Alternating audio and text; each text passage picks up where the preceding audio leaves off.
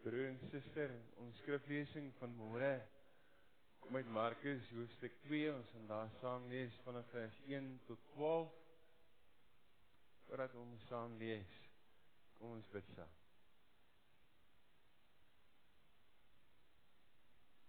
Here, dankie Here dat ons in hierdie oomblik ons gedagtes op U kan fokus. Dis hoekom bid ons U Here dat U ons ook hier waar ons saam lees die woord sal oopbreek. Here ons kom vra U Here hier waar ons saam is, spreek die woord vir ons oop. Spreek Here, U kinders luister. Amen. Soos ek gesê het, ons skriflesing in Markus hoofstuk 2, ons gaan saam lees vanaf vers 1. Jesus da na 'n paar dae weer in Kapernaum kom, het dit bekend geword dat hy by die huis is. Baie mense het daar saamgedrom sodat daar selfs by die deure nie meer plek was nie. Hy was besig om met hulle oor sy boodskap te praat. Daar kom die mense van 'n verlam wat 'n verlamde man na hom toe bring vier van hulle het hom gedra.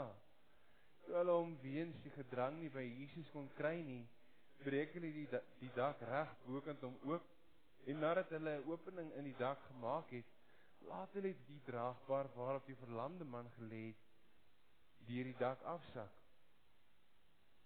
Toe Jesus hulle geloof sien, sê hy vir die verlamde vriend, jou sondes word vergewe. Maar sommige van die skrifgeleerdes het daar gesit en hulle afgevra waarom sê hy so? Hy praat mos verslasterlik. Wie kan sondes vergewe behalwe God alleen?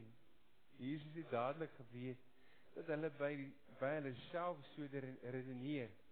Hy sê toe vir hulle: "Wat redeneer julle by julleself hieroor? Wat is makliker om 'n verlamde man te sê jou sondes word vergewe of om te sê staan op, vat jou draagbaar en loop?" Maar ek gaan nou vir julle die bewys lewe dat die seun van die mens volmag het om op die aarde sondes te vergewe. Hy sê toe vir die verlamde man, ek sê vir jou, staan op, vat jou draagbaar en gaan huis toe. Hy het opgestaan, dadelik sy draagbaar gevat en voor die oë van almal uitgestap. Hieroor was hulle almal verbaas en het hulle God geprys en gesê, so iets het ons nog nooit gesien nie. Ons lees tot sover vanmôre. Ek nou ons dink aan hierdie gedeelte. Ons dink aan Christus se lewe op aarde. Ons dink aan hierdie oomblik. Kan ons mekaar sê dat Christus blootgestel word aan die druk van die skare omdat hy iets gehad het om vir hulle aan te bied. Iets anders vir Christus sien ons in hierdie gedeelte weet dat mense belangrik is. Die vertroue van die geloofsgemeenskap in die nood van 'n enkeling. sien ons juis dat dit nie by Christus verbygaan nie. sien vir Jesus wat vir hierdie in hierdie oomblik vir hierdie gelowiges kom wys dat ons as mens, die mens self liggaamlik, geestelike nood vir hom belangrik is. En sy optrede, dit wat gebeur is interessant.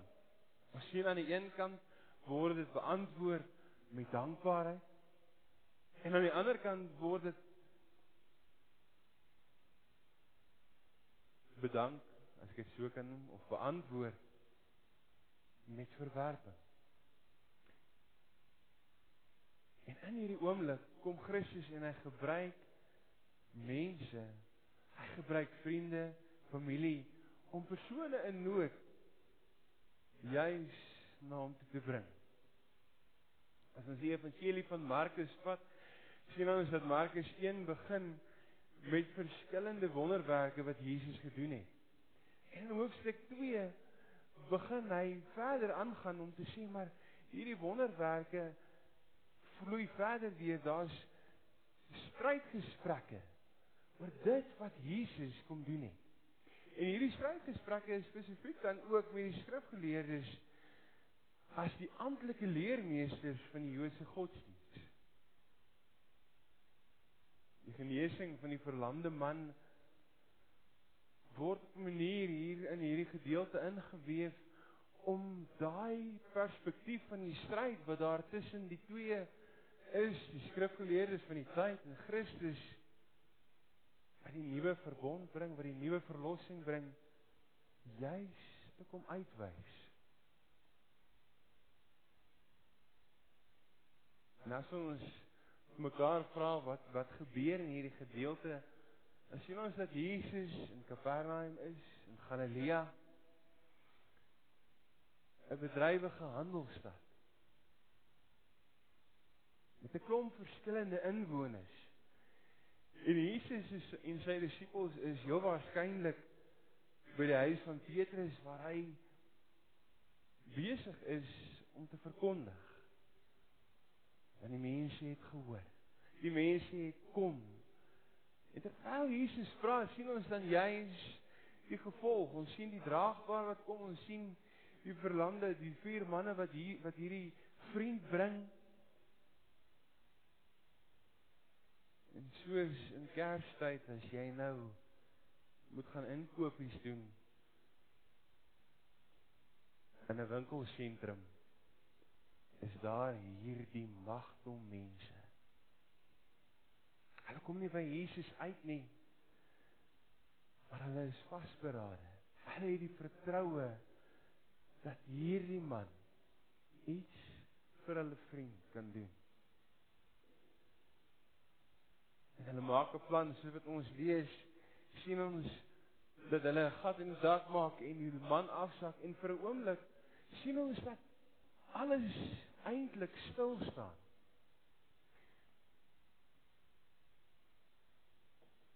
Waar dit die hele tyd gaan oor die skare wat verkondig of wat by Jesus is, sien ons ewe skielik dat dit stop. En Jesus draai as as te ware om in die oomblik en hy sê maar hierdie wat nou gebeur is die belangrikste. En ons sien as ons nou kyk na die na die teks sien ons juis hoe Jesus, hoe Christus hierdie persoon aanspreek as seun of kind. En met hierdie aanspreekvorm iets vermeld, iets sê van wat hierdie persoon vir hom beteken. En daarmee kom sê Jesus Christus juis kom beklemtoon hy juis sy omgee. Hy kom wys juis maar hierdie persoon is in hierdie oomblik vir hom die belangrikste. As ons na hierdie gedeelte kyk, sien ons dat Christus begin om te sê maar jou sondes is vergewe. En dit staan lynreg in teenoor dit wat die skrifgeleerdes verkondig van dit gaan oor die onderhouding van die wet. Dit gaan oor die nakoming van sekere rituele, dit gaan oor die reinigingsgebruike en die bring van offers. Dan is die sondes vergewe. Christus kan of Jesus kan dit nie sien nie. Daarom is dit godslasterlik. Daarom wil hulle hom eintlik op 'n manier uitvat en gaan stenig want dit is die sonde of dit is die straf vir dit wat Jesus vir hulle verkondig.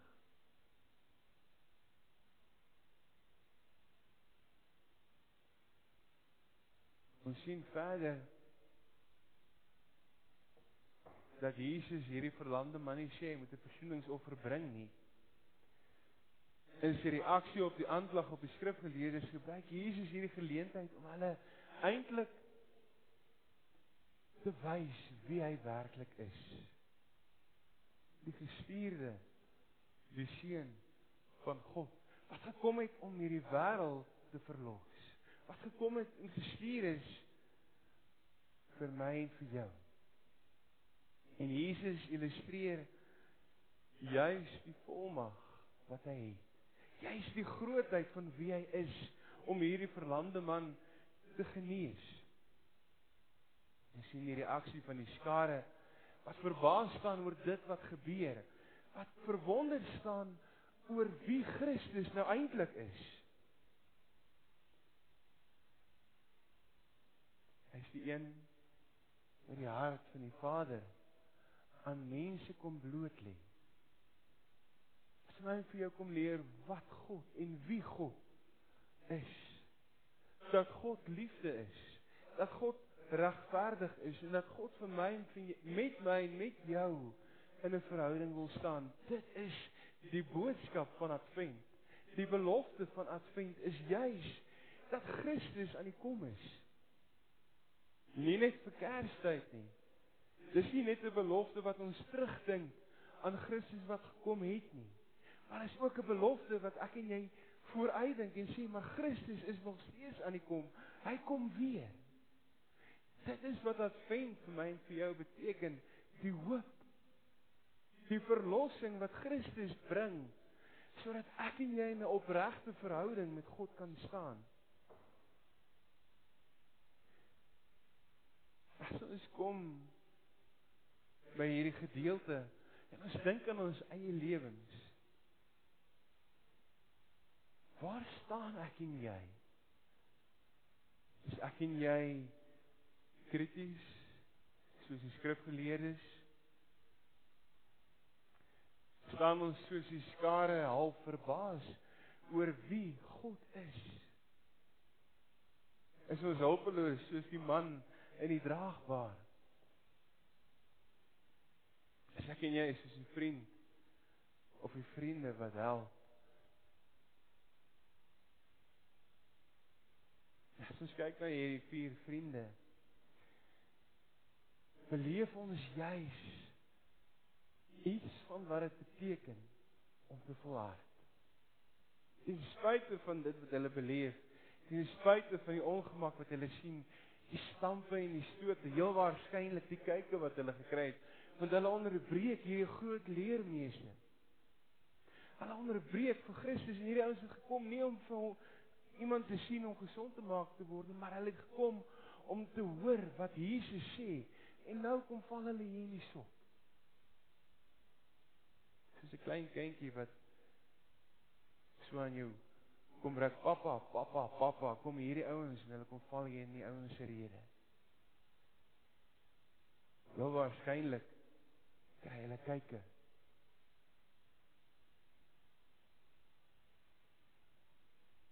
As ons begin met die woorde waarmee ons hierdie diens begin het in Markus 1:15